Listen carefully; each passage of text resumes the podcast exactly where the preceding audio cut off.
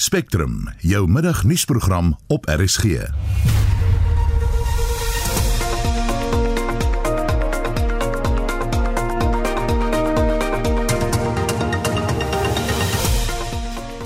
die program Rassespanning by Hoërskool Jan Viljoen in die Wesrand is op 'n mespunt. Ons vra hoekom die voorvalle steeds kop uitsteek by skole. Die weermag moet ingryp weens watertekorte in die Vrystaat. Die klein dorpie van Riebeekstad is besig om in sy 16de dag te gaan sonder 'n druppel water. En nou eers het hulle besluit om van die weermag se tankers in te sit. En later in die program het ons meer oor die onreëlmatige 6 miljoen rand wat die voormalige minister van gesondheid van die werkloosheidsversekeringsfonds ontvang het. Die span in die ateljee se redakteur Marlenae Forsie, produksieregisseur is Johan Pieterse en ek is Susan Paxton.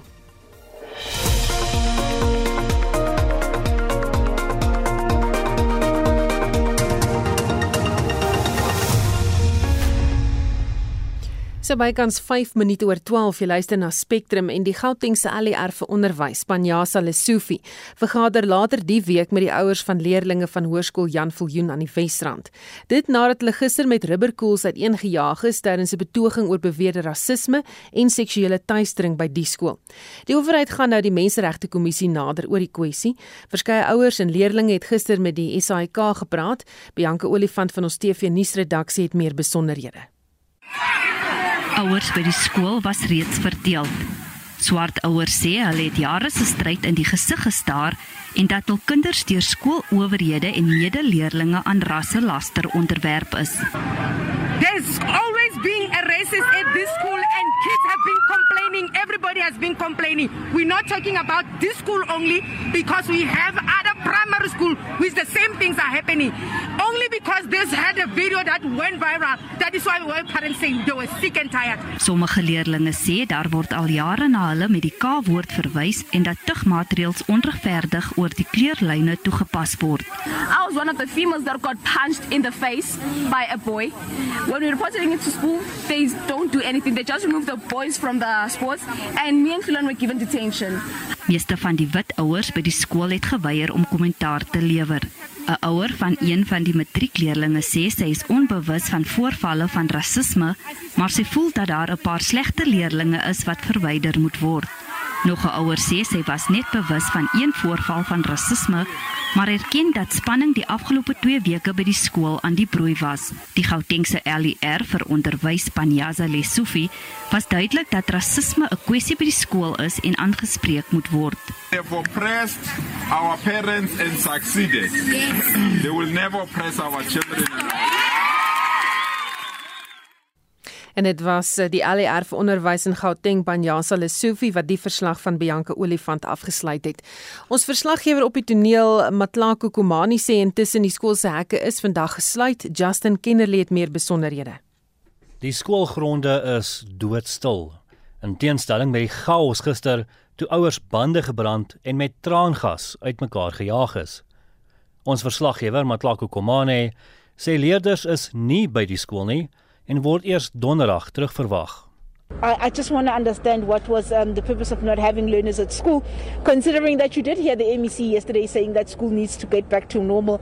Learners could not afford to lose any more learning time. But I suppose with emotions high and tensions high, perhaps they just thought maybe a cooling period would be the best solution to what was going on um, here yesterday. So ook is die vergadering met ouers vanaand uitgestel tot donderdag laatmiddag. Die verwagting en hoop is dat daar dan met oplossings vir die probleem vorendag sal kom. Ek is Justin Kennerly vir SI Garnis. Ons praat nou ook verder met die Instituut vir Rasseverhoudinge se hoof van strategiese projekte Herman Pretorius. Goeiemôre Herman. Goeiemiddag Susan. Baie dankie dat ek hier by julle mag gesels oor 'n regtig belangrike kwessie. Is jy bekommerd dat ons al meer van hierdie voorvalle sien in skole? Wel kyk uh, dit is dit is altyd gevaarlik en ek dink uh um die een van die ouers het dit selfs daar uitgewys in julle klankgreep dat uh, om om op anekdotale insidente soos hierdie te veel te baseer is nie noodwendig nuttig om die groter probleem te verstaan nie. So dit is waar dit nuttig is vir 'n instansie soos die ERR om letterlik dekades van navorsing te hê waar jaar na jaar daar meningspeilings gedoen word um om rasseverhoudings te verstaan en ook om te verstaan wat sal lei tot beter rasseverhoudings. Wat ons hierso wel moet agterkom is die data dui aan dat terwyl 'n meerderheid van Suid-Afrikaners sê dat rasseverhoudings sedert 1994 beter geword het, is daai syfer nie so hoog as wat dit 5 of 4 jaar gelede was nie. So ons raak bekommerd oor die stygende rassespanning. En dink jy die optrede van die kinders het iets te maak met die voorbeeld wat aan hulle gestel word? Kyk, dit is altyd besonder moeilik om te sê mense wil nie maklik vingers wys nie, maar ek dink as mens gaan kyk na waar voorbeelde gestel word, hoef mense nie veel verder te luister as meneer Lesofie self nie. In julle klankgreep het julle net gespeel hoe hy gesê het they oppress our parents. They will not oppress our children. Ons moet vir meneer Lesofie vra wie is hierdie they waarvan hy praat? Is dit net hierdie wit eenheid van onderdrukking waar hy inkoop en basies die kernwaardes van kritiese rasteorie om te sê alle wit mense is onderdrukkers en alle swart mense is slagoffers. Daar is 'n voorbeeld van iemand wat eerder as om rasseverhoudings te kalmeer en te verbeter, duidelik tot sy eie politieke gewin sien dat kwaadstook gee hom 'n bietjie politieke kapitaal. So is daar voorbeelde van slegte uh, rasse leierskap absoluut en ek dink meneer Panjaza Lesofia sê dit wil sien kan hy sommer net in 'n spieël kyk. Dink jy nog 'n ondersoek deur die menseregte kommissie gaan iets verander? Weet jy hoogs onwaarskynlik en as as mens wil gaan kyk na wat verander werklik hierdie rassespannings en ongelykhede tussen rasse dan kan die data vir ons 'n baie sterk aanduiding gee. Ons vra elke jaar in ons peilings vir Suid-Afrikaners Hoe dink jy sal die ongelykheid tussen rasse uh op die einde verdwyn en die antwoord van meer as 3 kwart van Suid-Afrikaners is met beter opvoeding en meer werke sal daai ongelykheid hok geslaan word. So daar is 'n oplossing daar en ek dink dit is insiggewend dat hierdie gebeur in minder gegoede areas waar sosio-ekonomiese faktore swaar weeg in die universele menslike instink om die ander, iemand wat anders as jy is of dit nou geslag, ras, taal, mense sien dit oor die geskiedenis en oor die wêreld te blameer vir die moeilikheid wat jy in die gesig staar. So as ons kyk na oplossings, twyfel ek of die Menseregte Kommissie hier iets kan doen en ons moet eerder kyk na wat kan ons verseker as die basis vir beter rasseverhoudings en dit is 'n sosio-ekonomiese opwaartse traject eerder as 'n afwaartse traject. Met dit gesê, het ons al die kwessies van die verlede behoorlik deurgetrap en geleer hoe om byvoorbeeld konflikte hanteer in hierdie land.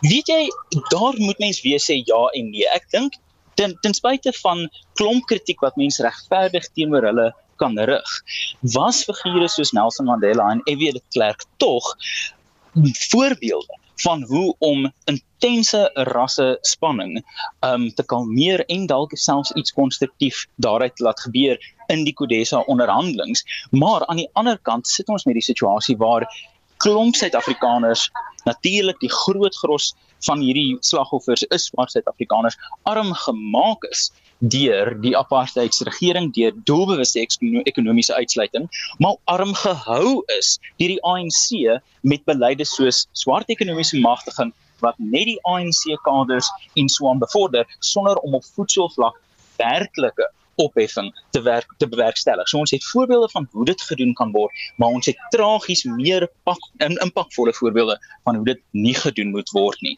En in die sielkunde dink ek mense kan daarna kyk en die bevinding van onvolwassenheid en die instink om iemand te as dit ware ander is 'n baie sterk tendens. So net omdat hierdie gevalle in skole gebeur, moet ons nou nie wanhoopig raak oor die toestand van rasverhoudings oor die hele land nie, maar ons moet besef dat daar is oplossings hier en meneer Lesofie en die Menseregte Kommissie en mense wat verdeeldheid aanwakker en die staat wat al hoe meer beheer oor skole wil neem waar daar hierdie tipe probleme is, hulle is dalk meer deel van die probleem as die oplossing.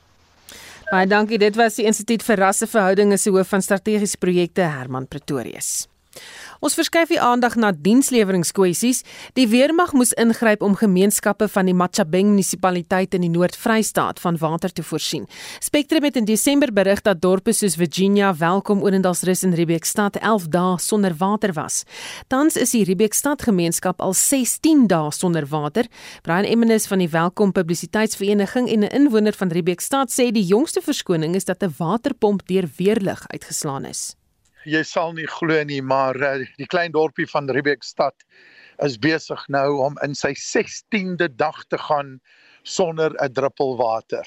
En nou eers het hulle besluit om van die weermag se tankers in te sit. Maar gister het die publisiteitsvereniging in samewerking met 'n klein gemeenskapsradio besluit om hulle eie tanker in te bring om vir die mense water te gee. En sê vir my, die hoeveelste keer is dit wat hierdie water nou af is sedert byvoorbeeld Desember? Nee, vra eerder vir my van Desember tot nou, hoeveel keer het ons water gehad? Bitter min. Nee, dit word nou erg. Dit word nou regtig waar erg. En elke dag is dit 'n ander verskoning. Jy weet, ek dink daai boek van verskonings is ook besig nou om gaar te raak. En kon julle met die munisipaliteit nou al intussen weer gesels oor wat is hierdie keer die probleem? Wel ons gesels met hulle, maar soos ek nou net gesê het, jy weet elke keer die nuutste is dat die weerlig het 'n pomp getref. Die weerlig het 'n pomp getref en die pomp is nou flenters en hulle moes nou die pomp vervang jy weet dit is af nog net 'n 'n verskoning. Dit is 'n riller, dit is 'n riller en die mense is bitter kwaad. Wat uh, so hoe gaan hierdie tanker nou werk uh, of die tankers wat inkom dan met ander woorde? Wel dis 'n plaaslike loodgieter wat in 'n strategiese plek in die dorpie van Riebeekstad staan en hy gee dan water en dan die weermag hulle dit nou van hulle tankers En die onthou dis 'n groot dis nie net Riebeekstad. Ek praat jy weet van Riebeekstad, maar dis die hele die hele stad. En jy weet al die woonbuurte in die in die omgewing. So dis baie mense wat geraak word. En het het julle nou al met die gemeenskap gepraat om gehoor en te sê jy weet gaan julle nou begin geraas maak hier oor of is dit nou maar word dit so aanvaar dat die water 'n probleem is? Jy weet dis 'n groot probleem en ek glo nie dis die kultuur van meestal van die mense wat daar woon om nou jy weet bande te brand en geraas te maak maar dit lyk my dat uh, dit lyk dis die enigste oplossing jy weet die mense sit op die oomblik op die op die kantlyn en meestal skryf maar net ernstige boodskappe jy weet op die op die internet en dit was Brian Emmenis van die Welkom Publisiteitsvereniging en inwoner van Riebeekstad Die landbouorganisasie AgriSA is bekommerd oor die Suid-Afrikaanse Vereniging vir Plaaslike Regerings se pogings om eksklusiewe regte aan munisipaliteite te bied om elektrisiteit te verkoop en te versprei. Die adjunkpresident van AgriSA, Nicole Jansen, sluit nou by ons aan met meer besonderhede. Goeiemôre Nicole. Goeiemôre, so lekker om julle te gaan selfs vanmiddag. Sê vir my, waar plaas dit julle dat munisipaliteite moontlik krag kan verkoop? Jy weet ek dink hierdie ding het 'n lang baie lang aanloop en hy het sy momentum daarin gekry dat die munisipaliteit toe die munisipaliteite die reg gekry het om uh, of eh, 'n groter jurisdiksie gebied gekry het as net hulle munisipale grens. Dit het daartoe gelei dat munisipale belasting ontwikkel is ook vir die gebiede buite die munisipale grens en hierdie is fase 2 om 'n verdere inkomste bron te kan kry uh, vir die munisipaliteite wat daarmee saamgaan. So heidaglik is die breër gemeenskap buite die munisipale grens Eskom kliënte wat hulle energie en hulle elektrisiteit direk by Eskom koop. Nou indien die, die munisipaliteite dan nou die reg sal bekom om hierdie uh, verspreiding te kan doen, is ons uiters bekommerd oor die vermoë van die munisipaliteite om dit te kan doen. Uh, wat wat die uh, dienslewering aanbetref, ons is uiters bekommerd oor die vermoë van munisipaliteite om die rekeninge te kan hanteer, Eskom te betaal en net die wins wat gemaak word op die uh, verkoop van elektrisiteit aan te wend, want tans word dit nie binne munisipaliteite so toegepas nie. Verder is hulle die grootste skuldenaars of skuld verskulde aan aan Eskom en al hierdie goede bekommer ons geweldig. Wat ons ook nie verstaan nie, is hoe wil die munisipaliteite dan hierdie netwerke bekom om die regte kan hê om elektrisiteit te kan verkoop? as hulle uh, nie die netwerke het om om dit te kan versprei nie. Julle hou samesprekings hieroor met Eskom, hoe voel hulle oor die saak? Dit het nog nie plaasgevind nie. Ons het binnekort uh, vandag 'n eerste vergadering en volgende week op Vrydag 'n tweede vergadering met Eskom om Eskom se sentimente te kry in hierdie verband om te weet waar hulle staan ten opsigte van hierdie aansoek. Agri is self besig om om meer inligting te bekom sodat ons 'n ingeligte besluit kan neem op ons aksies vorentoe ten opsigte hiervan. Wat kragopwekking en verspreiding betref, het julle as organisasie een of ander idee of 'n oplossing dalk? Ja, op hierdie stadium het uh uh, uh is ons uh, gedagtes bekend aan Eskom en ook aan Nersa wat kan landbou bied. Landbou het die grond en die spasie. Dit ongelukkig net nie altyd voldoende kapasiteit netwerke om hernubare energie terug te sit in die in die netwerk nie. Landbou neem alreeds groot deel aan die oprigting van hernubare energie, maar tans word ons beperk tot 1 megawatt ten opsigte van die stoor van elektrisiteit omdat ons sikliese gebruik het en dit ook voordele vir Eskom kan hê word ons steeds net beperk tot 1 megawatt en daarom uh nie die 100 megawatt soos aangekondig deur president Cyril Ramaphosa en aanvaar is onder vir landbou beskikbaar is nie want die som klop nie omdat ons sikliese gebruikers is. So landbou kan 'n groot bydrae maak tot die opwekking van energie. Verder het ons ook die spasie om met public-private partnerships uh, uh voort te gaan om energieopwekking uh te kan te kan verskaf aan Eskom. Baie dankie, dit was Nicole Jansen, die adjunkpresident van Agri SA.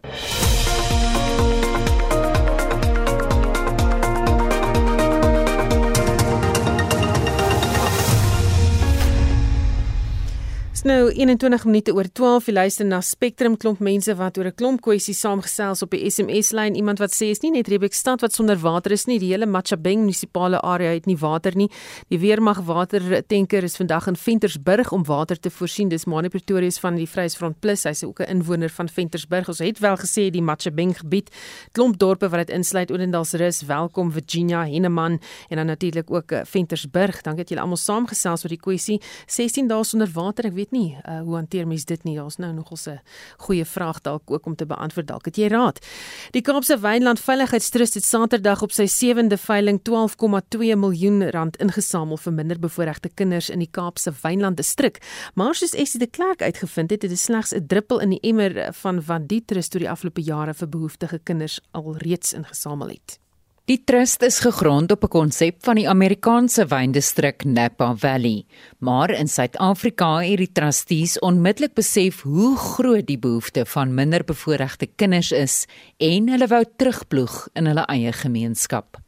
Die trust se fasiliteerder, Andy Norton, sê kinders in 13 streke van die Kaapse Wynland distrikte word ondersteun. We support education initiatives from all the way to German Arde Valley, Swartland, Constantia. It's not just Stellenbosch and Franschhoek. We operate in 13 regions. And in, in fact, we're even more passionate about the organizations that work in the more rural areas because those are the children that need us the most. They're the ones that are often the most neglected when it comes to their education. Die trust is 8 jaar gelede van stapel gestuur en hulle mandaat is eenvoudig. The mandate is to support education in the South African winelands from cradle to career.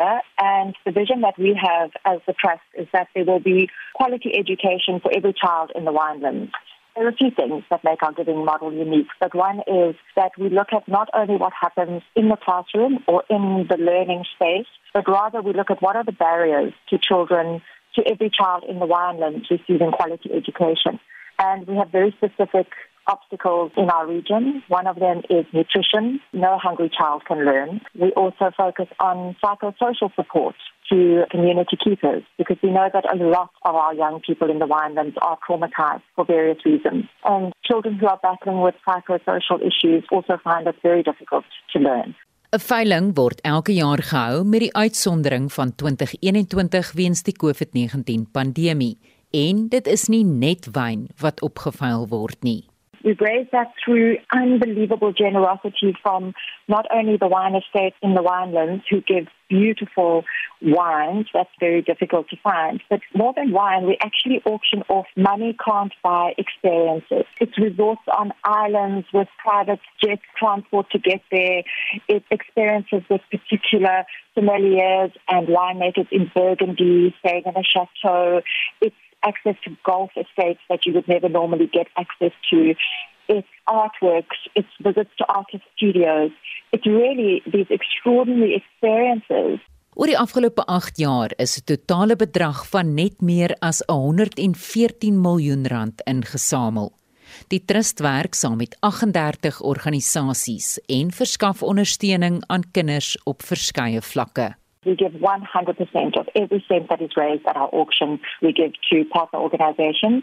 As a trust, we also go back to a matrix that we developed at the beginning, which we believe is still relevant, where we give the majority of money to early childhood and the foundation phase. So that's focusing on literacy because the literacy is so bad and we know from research that unless our children can read for meaning, by the time they get to grade three and four, their chance of being successful in the education system are greatly reduced if they can't read for meaning. But we don't ignore high school and matric plus. Behalwe dat kinders op sosio-ekonomiese vlak ondersteun word, sorg die geld wat deur die trust ingesamel word ook dat 10000 kinders elke dag 'n bord kos kan kry en dat kinders na skool verder kan studeer. Every day, 36,261 children receive hot fortified meals every single day. We served over 4 million meals. 8,000 learners have access to digital learning at 23 schools and after school centers. We know that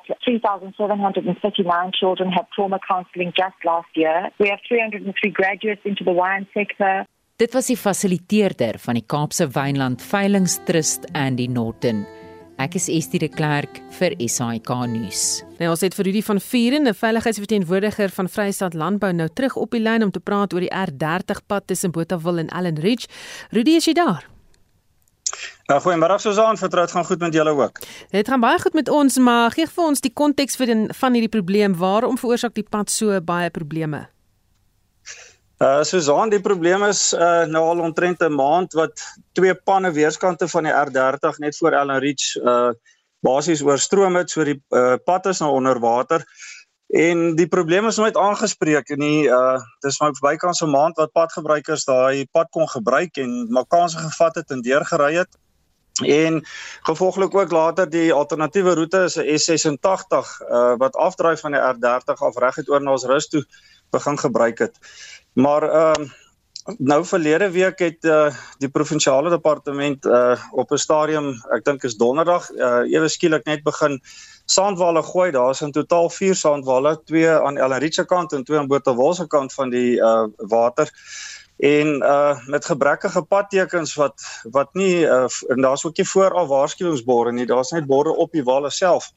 Hier daarna al verskeie padongelukke plaasgevind, ouens wat in die walle inry uh wat eintlik nou 'n krisis is, maar dis nie waar dit stop nie. Ehm um, die boere uh aan die ek wil amper sê aan die onderkant van aan die Elrietse kant van die uh, Elrietse silo en die ouens aan Botawil se kant van Elrietse silo kan glad nie nou nie by die die silo uitkom om hulle graan te lewer nie en uh dis ook 'n probleem ja as jy 'n kontrak het by 'n silo kan jy nie sommer net die kontrak skuif na 'n ander silo toe nie.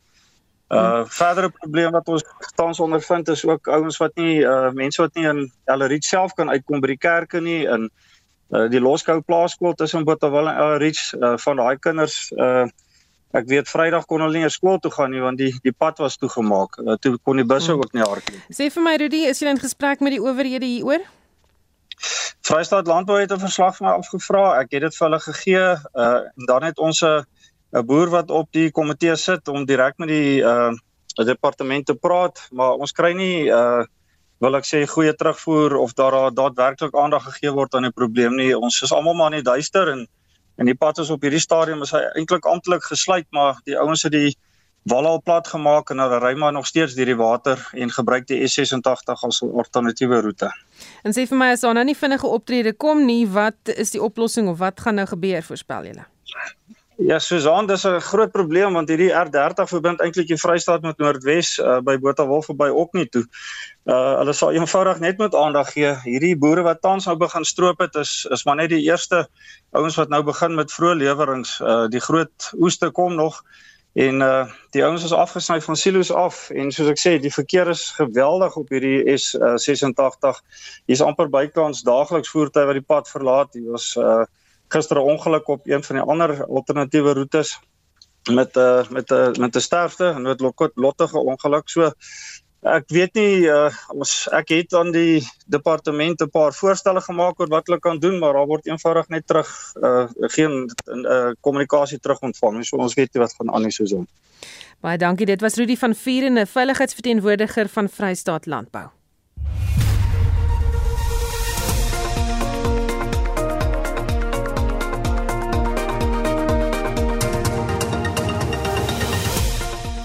Nou presies half 1 en as jy pas by ons ingeskakel het, die IRRC huis bekommerd oor hoe die kwessie van rasisme op skoolvlak hanteer word. They've oppressed our parents, they will never oppress our children.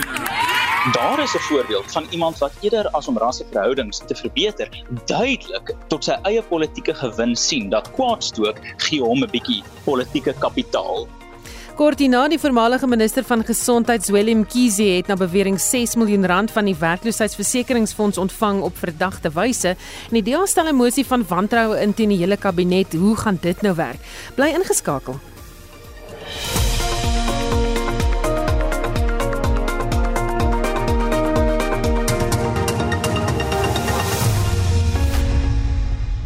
Nuwe onthullings deur Skopio, die ondersoekende eenheid van die Daily Maverick, onthul dat die voormalige minister van gesondheid, Zweli Mkhize, na bewering 6 miljoen rand ontvang het uit 'n 1,4 miljard rand ooreenkoms met die werkloosheidsversekeringsfonds. Mkhize was die ANC se tesourier-generaal toe die geld na bewering oorbetaal is aan 'n prokureur wat 'n kooptransaksie van 'n luukse meentuis namens sy familie trust hanteer het. En vir meer hieroor praat ons nou met Skopio se ondersoekende joernalis Pieter Louw Meiburg. Goeiemôre Pieter Louw. Hi Susan. Dit is 'n baie interessante storie. Uh, die storie is meer ingewikkeld ingewikkeld as net die oorbetaling van die 6 miljoen rand aan 'n uh, prokureur van Mkhize. Deur wie is die geld hmm. na bewering oorbetaal? Ja, Susan, dit is maar soos gewoonlik 'n redelike ingewikkelde string van transaksies, maar om eintlik maar eenvoudig te stel, jy weet daar's hierdie aanduidings um, wat al vir 'n geruime tyd bestaan het dat Mkhize uiteraard sy politieke posisie misbruik het destyds as ANC tesourier-generaal om 'n invloed uit te oefen by die openbare beleggingskorporasie om dan seker te maak dat hy dan ook 'n 'n deel van hierdie groot PIC belegging sou kry. Um, en dis oor die jare, jy weet daar aanduidings van dit het in hofsaake opgeduik en ook by die Mpati kommissie, maar daar is nooit bewyse daarvoor gewees nie, maar nou vir die eerste keer blyk dit dat daar wel forensiese bewyse is. So daar is hierdie 6 miljoen rand betaling wat wat direk na Mkhize se eiendomstand transaksie toe vloei um, van hierdie sakeman uh, Lawrence Malautsi wat dan nou juis um daardie fondse gebruik het wat, wat hy uit 'n uh, openbare beleggingskorporasie transaksie gekry het. Dit is 47,5 miljoen rand suksesfooi as mens dit so kan stel wat hy beklink het toe hulle in 2018 'n groot 1.3 miljard rand um PIC belegging uh, bewerkstellig het. Hmm. En hy self dis nou Lawrence Mulahutsi het self 'n stewige paar miljoen vir sy raadgewende dienste verdien. Ja, kyk, dis dan die die oom moet eintlik maar rek oor hierdie hierdie sogenaamde adviesfooie.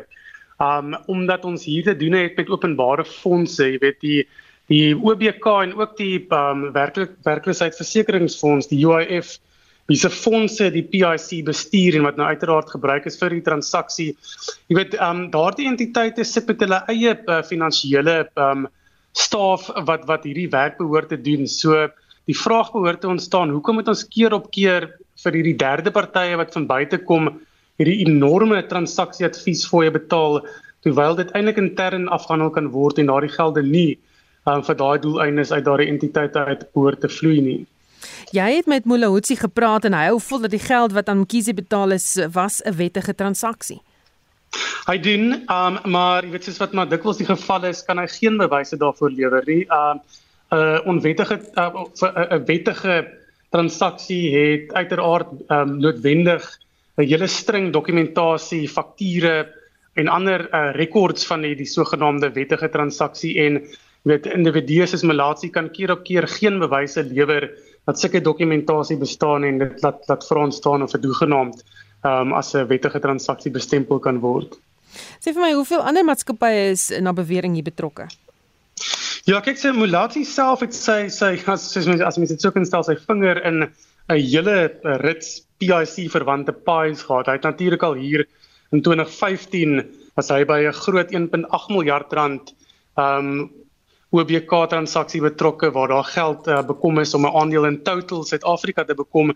En so toe oor die jare van 2015 tot hier 2018-19 is daar ten minste 4 of 5 groot OBK um leningstransaksies waarby Mulatsi baat gevind het.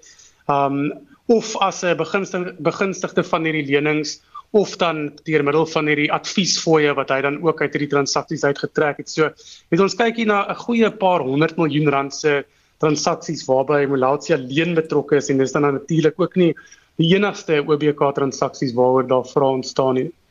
Ek wonder of jy vra weet verwag jy nog onthullings uh jy weet wat van hierdie storie af gaan kom of mense wat betrokke is se name wat onthul gaan word. Man Susan, ja, kyk ons ons byvoorbeeld by Daily Maverick is juis nou besig om om te werk aan 'n storie wat net aandui hoeveel van die werkloosheidsversekeringsfondse geld eintlik dan verloor word as gevolg van hierdie bedenklike transaksies. So jy weet aan die een hand is daar hierdie oënskynlik korrupte betalings aan diegene soos Malatsi en dan ook Mkhize, maar dan aan die ander kant moet ons ook in gedagte hou dat die groot uh, bedrag van jy weet openbare fondse gebruik word vir hierdie beleggings en Dit is uh skynbaar na alle aanduidings as mens hierdie transaksie in ag neem, nie noodwendig wyse beleggingsbesluite nie en dan dikwels verloor entiteite soos die OBK en dan ook die die UIF honderde miljoene rande of selfs miljarde rande se beleggings. Baie dankie het gepraat met die ondersoekende joernalis Pieter Louw Meiberg. Ons bly by politieke sake. Die leier van die One South African Movement, Musi Maimani sê dit is baie gemaklik vir die regering om buitelanders te blameer vir die tekort aan werksgeleenthede in die land. Hy het gereageer op die minister van binnelandse sake se voorgestelde verkiesingswysigingswetsontwerp. Maimani sê met die veranderinge sal lede van die publiek gevange gehou word deur politieke partye. Hy sê die werkloosheidskwessie is maar net een uitvloeisel van 'n disfunksionele regerende party. It's a failure to identify the real problems of our country. And it comforts the government in knowing that so long as we can blame foreign nationals, then the government gets away with creating economic conditions that are not susceptible to job creation.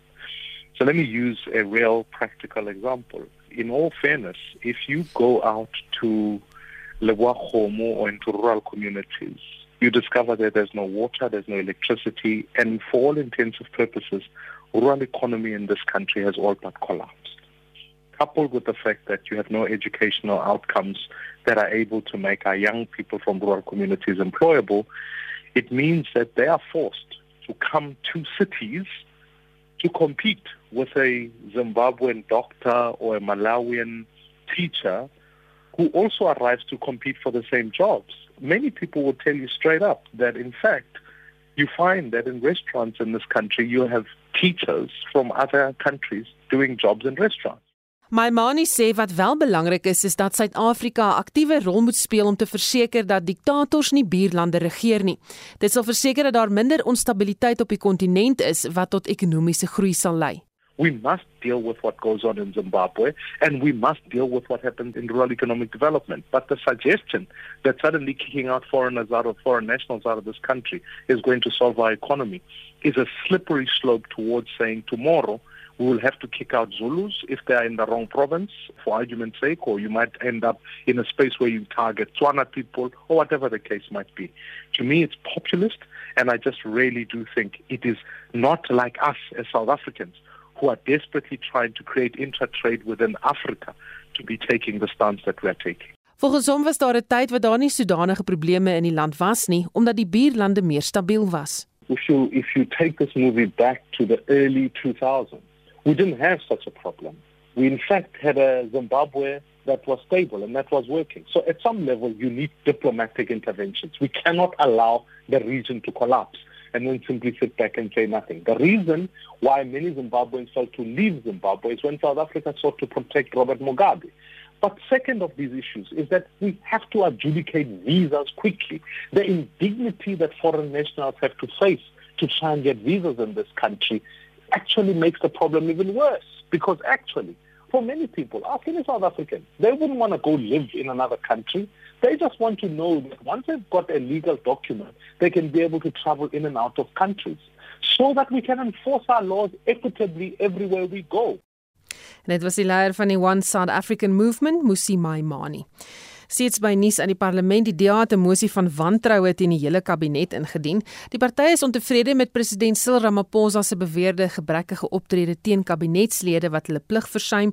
Die oud parlementslid en politieke ontleder Dr Pieter Mulder is op die lyn. Ons praat nou met hom. Goeiemôre Pieter. Goeiemôre Susan.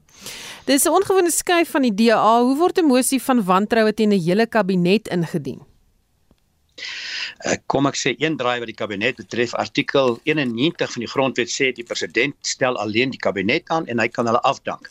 Nou die klagte van die DA is geldig wat sê hy doen dit nie as mense on, onbekwaam is nie en dan kry jy artikel 102 in die grondwet wat handel oor wantroue emosies.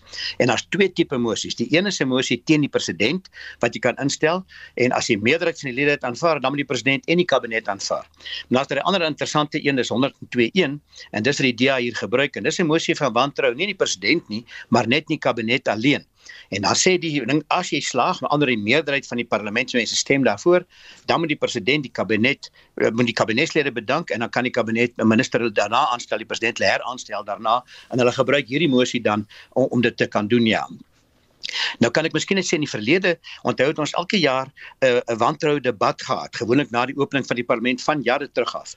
Oor die laaste 10, 15 jaar die ANC hou nie van die bewoording wantroue debat nie. So hulle het dit verander na 'n debat oor die staatsrede of state of the nation debate. So wat hier gebeur is nie veel anders nie. Omdat dit 'n mosie wel is, gaan dit waarskynlik apart gedebatteer moet word in 'n volgende debat en sal daar gestem moet word daaroor. En om jou mosie te aanvaar, sal jy moet 'n meerderheid van die lede kry, met ander meer as 400 van die 400 lede sal 201 dan moet stem vir die mosie uiteindelik om dit af te stem uiteindelik. Uh nou eh, daar staan 230 ANC-lede, so teoreties behoort hulle nie te verloor nie. Maar as ek kan 'n interessante tegniese punt noem, jy weet die kabinet alleen is 68 parlementslede, is ook ministers. Nou jy weet as jy so 'n mosie in 'n maatskappy se direksielede stel, dan sal die lede moet onttrek. Hulle sal in die gang moet gaan staan want daar's 'n belangebotsing en as dit sou gebeur, kan die ANC nie wen nie. Nou die argument weet ek nou al gaan wees nee maar hulle twee hoedanige ook is parlementslede en daarom hoef hulle nie onttrek nie. 'n Ander opsie is interessant om dit te geheime stemming te maak. Nou die grondwet sê ongelukkig nie dit moet wees nie. Dalk kan jy slag met 'n hofsaak of waar en dan hoop kan die DA hoop uiteindelik dat Ramaphosa se vyande teen hom stem en dat hy so sal kan wen ja. Nou indien die mosie slaag, wat gebeur dan? Wel, as die mosie slaag, kom ons sê een van hierdie goed werk, dan is uh, dit effektief met die kabinet almal onmiddellik bedank uh en die president moet moet 'n nuwe kabinet saamstel. Soos ek die grondwet lees, daar geen verpligting wat vir hom sê kan nie almal weer 'n keer net so aanstel nie, wat dit eintlik dan nou net 'n goeie propaganda oefening maak. Ek dink die DA slaag om die klem op die onbekwame ministers te plaas uiteindelik, maar dis die dilemma dat ons net kan slag. Jy weet interessant in ons geskiedenis in 20 in 1914 as ek reg die datum het, wou Louis Botha van generaal Hertzog ontslaa raak en hy het nie geweet hoe nie. Toe het die hele kabinet afgedank, hulle weer aangestel en Hertzog weggelaat teoreties sou Ramaphosa dit kan doen en van die ministers weglaat, maar dit sê erkenning wees dat die DA reg is. So jou dilemma is, ek dink bly maar 'n propaganda oefening en aan die einde waarskynlik selfs al sou hy geslaag, gaan hy die hele selfe lot weer 'n keer aanstel, is maar my voorspelling ja. Baie dankie, dit was Dr Pieter Mulder, oud parlementslid en politieke ontleder. Die Suid-Afrikaanse Kommuniste Party sê intussen die president se aanname dat die staat nie werk skep nie is verkeerd. President Cyril Ramaphosa het tydens die staatsrede gesê dat die regering nie 'n werkskepper is nie. Volgens hom rus die onus op die privaat sektor en moet hulle hande losgemaak word om dit te kan doen. Dr Alex Mashile, woordvoerder van die SAKP, het vroeër aan SAK nuus gesê die party stem glad nie saam oor die kwessie nie. Government is a tax authority. It generates revenue from taxes. And government, by the way, in South Africa, if now we are expanding this argument, government in South Africa participates in the economy. The electricity that is powering your, your work there right now comes from a state entity called ESCOM. By the way, we are now going back. It was the state that created ESCOM. It is the state that created ISCO, which was privatized. It is now known as ArcelorMittal. In the State of the Nation address, the president spoke about Transnet. It is the state that created many entities. And by the way, it is the state that created the SABC. It is the state that created the employment you are currently in. Mashile sê hoewel die privaat sektor meerendeels verantwoordelik is vir die belasting wat ingevorder word deur die staat om sekere dienste te kan verrig, is dit nie waar dat die staat nie werk skep nie. The tax revenue comes from the economy of South Africa in which the state is a participant. The state is a participant in this economy. You cannot say it is only private companies that participate in this economy. In fact, Many of the state-owned enterprises that the president mentioned in the State of the Nation address not only create employment, they both create employment directly as well as the conditions for the private sector to make business as he said. En dit was die woordvoerder van die SAKP, Dr Alex Mashido. Volgens 'n navorsingsverslag deur die Universiteit van York in Brittanje hou die besoedeling van die wêreld se riviere deur medisyne, farmaseutiese en ander produkte 'n bedreiging in vir omgewingsgesondheid. Diabetes en epilepsie medisyne asook parasetamol en produkte soos nikotien en kafeïen is in rivier, rivierwater gevind. Die navorsing toon dat riviere in Pakistan, Bolivia en Ethiopië die ergste besoedel is, terwyl riviere in IJsland, Noorwe en die reënwoude in die Amazone die skoonste is. Ons praat nou met 'n spesialis wetenskaplike van die Mediese Navorsingsraad, Dr. Surine Osurne Surani Hon. Daar sê ekskuus tog. Goeiemôre Surani. Haai son. Wel net die hele tyd sê Surina um, vir een of ander rede. nee, dit is Surani. Um, sê vir my. Yes, hallo. Die studie is gedoen in 100 lande en in meer as 1000 riviere. Wat is die van van die belangrikste bevindinge wat gemaak is? Ehm um, soos jy al reeds genoem het, ehm um, het hulle um, meer as 1000 plekke um, water versamel, um, wat strek oor meer as 100 lande oor die kontinent en um, die belangrikste van hierdie studie is dat Surani? Um, klimaatsteek, ja. Ek gaan vir jou vra net gou daai laaste ja. sinne weer 'n bietjie te herhaal want jy het weggebreek daar vir 'n oomblik, so ons het daai stukkie gemis.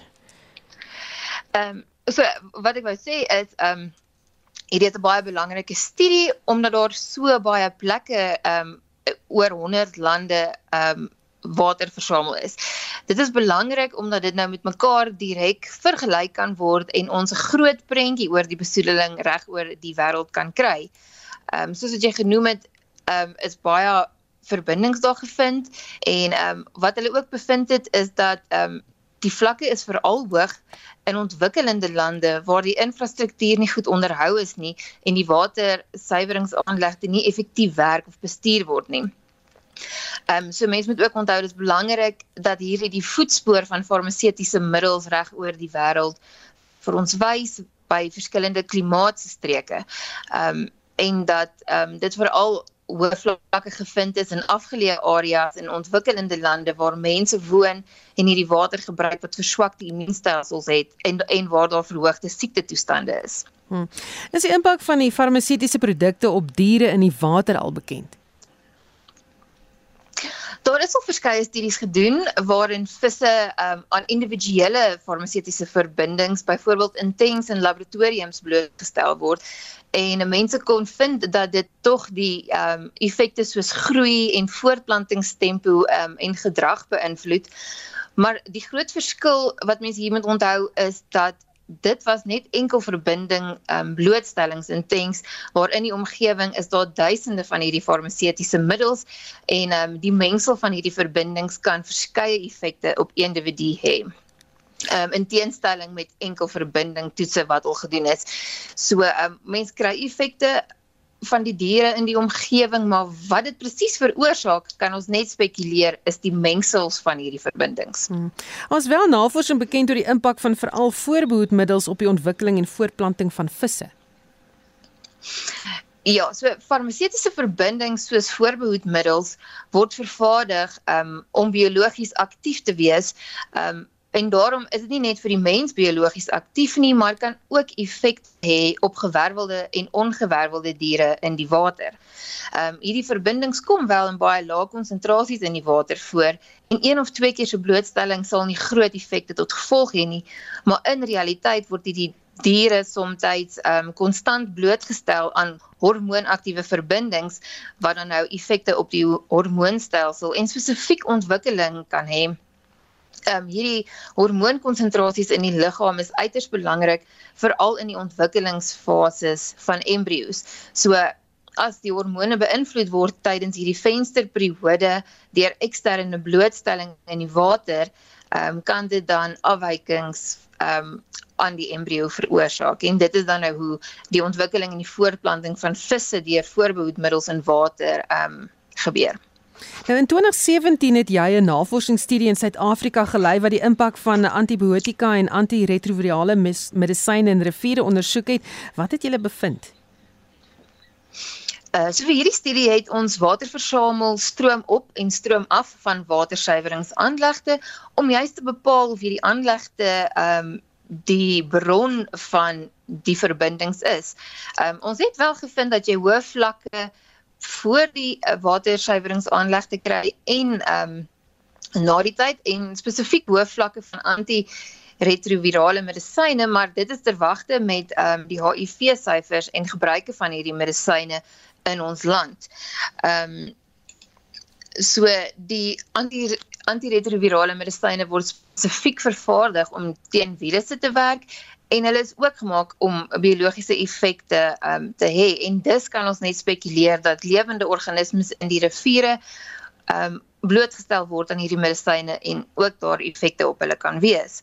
En in die geval van antibiotikum spesifiek wat ons in die water gemeet het, gaan dit hier oor die feit dat konstante blootstelling aan antibiotikums het die vermoë het om mikrobes in die omgewing weerstandbiedend teen hierdie medisyne te maak en as gevolg sou dit dan moeiliker wees om infeksies te behandel indien hierdie mikrobes weerstandbiedend is teen antibiotikums wat gemaak is om effek, om die infeksie ag infeksies te behandel. Dis ongelukkig alweer verstaan het dit was 'n uh, eh, spesialis wetenskaplike van die Mediese Navorsingsraad Dr Surani Hon. Ons sien dat die plaaslike markte onveranderd bly, maar banke verhandel heelwat sterker en Renier van Sail, 'n portefeuljebestuurder by Efficient Private Clients, sluit nou by ons aan met die en ander sake nuus. Goeiemiddag Renier. Goeiemôre. En ja, dis korrek. Ons het gesien dat die markte het lekker sterk vanoggend oopgemaak, maar dit het baie van my winste opgegee. Ons banksektor is altans op met so 2.6%. Die grootste beweger daar is Nedbank wat op is met 5.4%. Nou Suid-Afrika se vierde grootste bank het gister na die mark gesluit het gesê dat hulle hulle verdienste vir 2021 met meer as 100% gaan groei. Nou as 'n paar redes daarvoor in 2020 baie van die groot banke vir hulle kliënte payment holidays gegee om hulle te help deur die pandemie. En in 2021 het baie van my kliënte weer in skuld begin afbetaal wat natuurlik vir die banke 'n lekker hupstootjie gee. Ons sien dat Standard Bank is ook op met 4.3% en First Rand is op met 3.6%. So hulle volg baie positiewe nuus. Aan die ander kant van die muntstuk is ons hulpbronne heelwat laer. Hulle het laaste paar dae 'n lekker loopie gehad by van sterker kommoditeitspryse maar dan gee vandag my winste terug. Sibanye is daar met 3.8% en South32 is daar met so 2.2%. Ons sien dat die rand versterk het van vanoggend se vlakke. Hy staan teen 15.10 teen die dollar.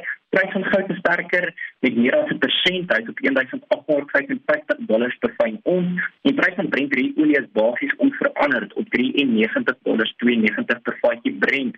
Die Amerikaanse markte het gisteraand in die rooi gesluit op die rug van bekommernisse rondom Rusland en Oekraïne. Ons het vroeër gehoor dat die Russe van hulle troepe begin onttrek het vanaf die grens, so hopelik kan ons later 'n lekker sterk dag hê. En dan sien ons dat meeste markte in Europa verhandel tans in die groen. En baie dankie, dit aan my storie vir vandag. En dit was Renier van Sail portefeulje bestuurder by Efficient Private Clients.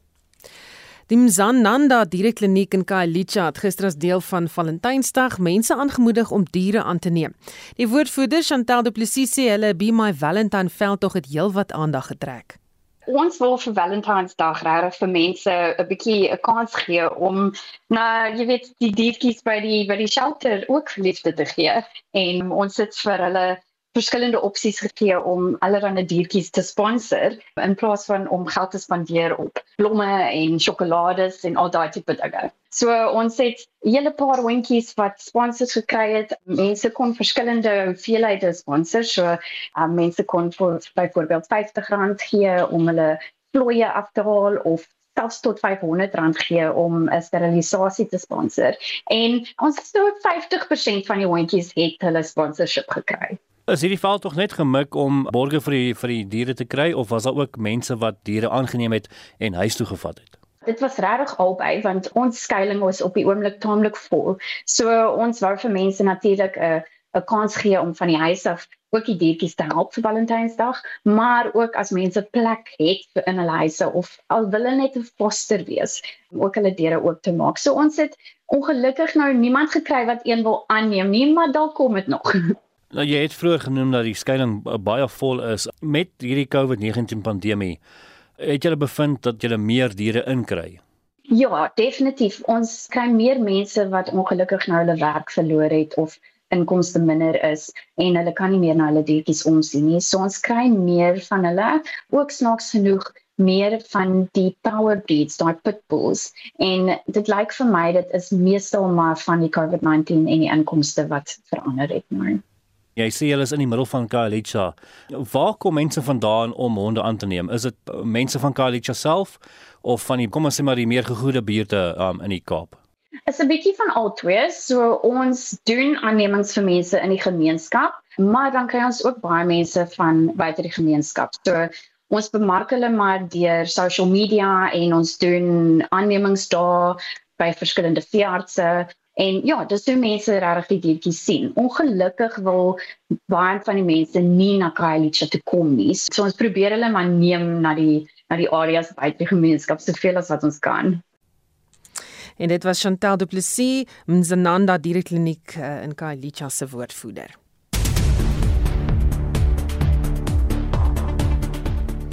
En net vir ons groet die premier van die Wes-Kaap, Allan Windy lewer sy provinsiale rede in Veldre van die Weskus en Justin Kennerly hou dit dop. Ja, Windy sê hy is bekommerd oor die hoë werkloosheidsyfer en honger in die land. Dit is een van die redes waarom hy vra dat die nasionale ramptoestand opgehef moet word. I've already offered our help and our ideas on what we need to change from a regulatory point of view.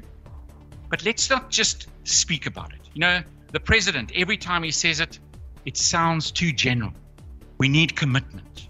I don't want to have, you know, this this president that listens to us but then doesn't do anything. We need to commit to a time and a date. We need to end this disaster. Die vergadering tussen ouers en die LER vir onderwys in Gauteng, Panjasa Lesofie wat vanaand sou plaasvind, is geskuif na donderdag aand. Dit hou verband met beweringe van rasisme by die hoërskool Jan Viljoen aan die Gautengse Wesrand. Herman Pretorius van die Instituut vir Rasseverhoudinge het sy mening hieroor gedeel.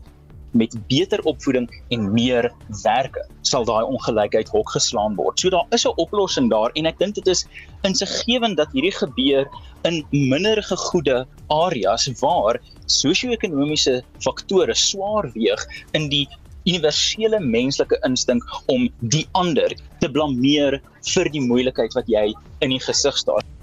En die burgemeester van Kaapstad, Jordan Hill Lewis, het 'n vergadering gehou met die Eskom baas, Andre de Ruyter, oor munisipaliteite se vermoë om krag van onafhanklike kragprodusente te verkry.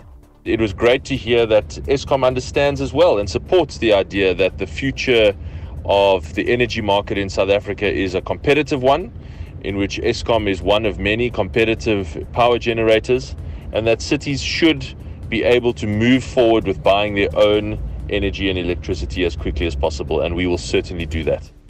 Nou ons het ook vroeër in Spectrum gehoor dat boere bekommerd is oor nuwe planne om munisipaliteite uh, eksklusiewe regte te gee om elektrisiteit te verkoop en te versprei. Die adjunkpresident van AgriSA, Nicole Jansen, sê hulle sal met Eskom kommunikeer oor die kwessie. En die Amerikaanse kletsrymer Kanye West se jongste tirade oor sy eksvrou Kim Kardashian se nuwe kerel trek wyd aandag op sosiale media. Hoewel baie mense dit snaaks vind, is daar diegene wat uitwys dat sy optrede waarin hy Pete Davidson 'n vloek en beledig nie goed gepraat of aanvaar moet word nie. Dit word as 'n vorm van mishandeling beskou. En dit was ons verslaggewer Justin Kennerly. Daarmee groet die Spectrum span namens ons uitvoerende regisseur Nicoline de Weer, redakteur Marlenae Forsie en ons produksieregisseur was Johan Pieterse. My naam is Susan Paxton, bly ingeskakel vir 360.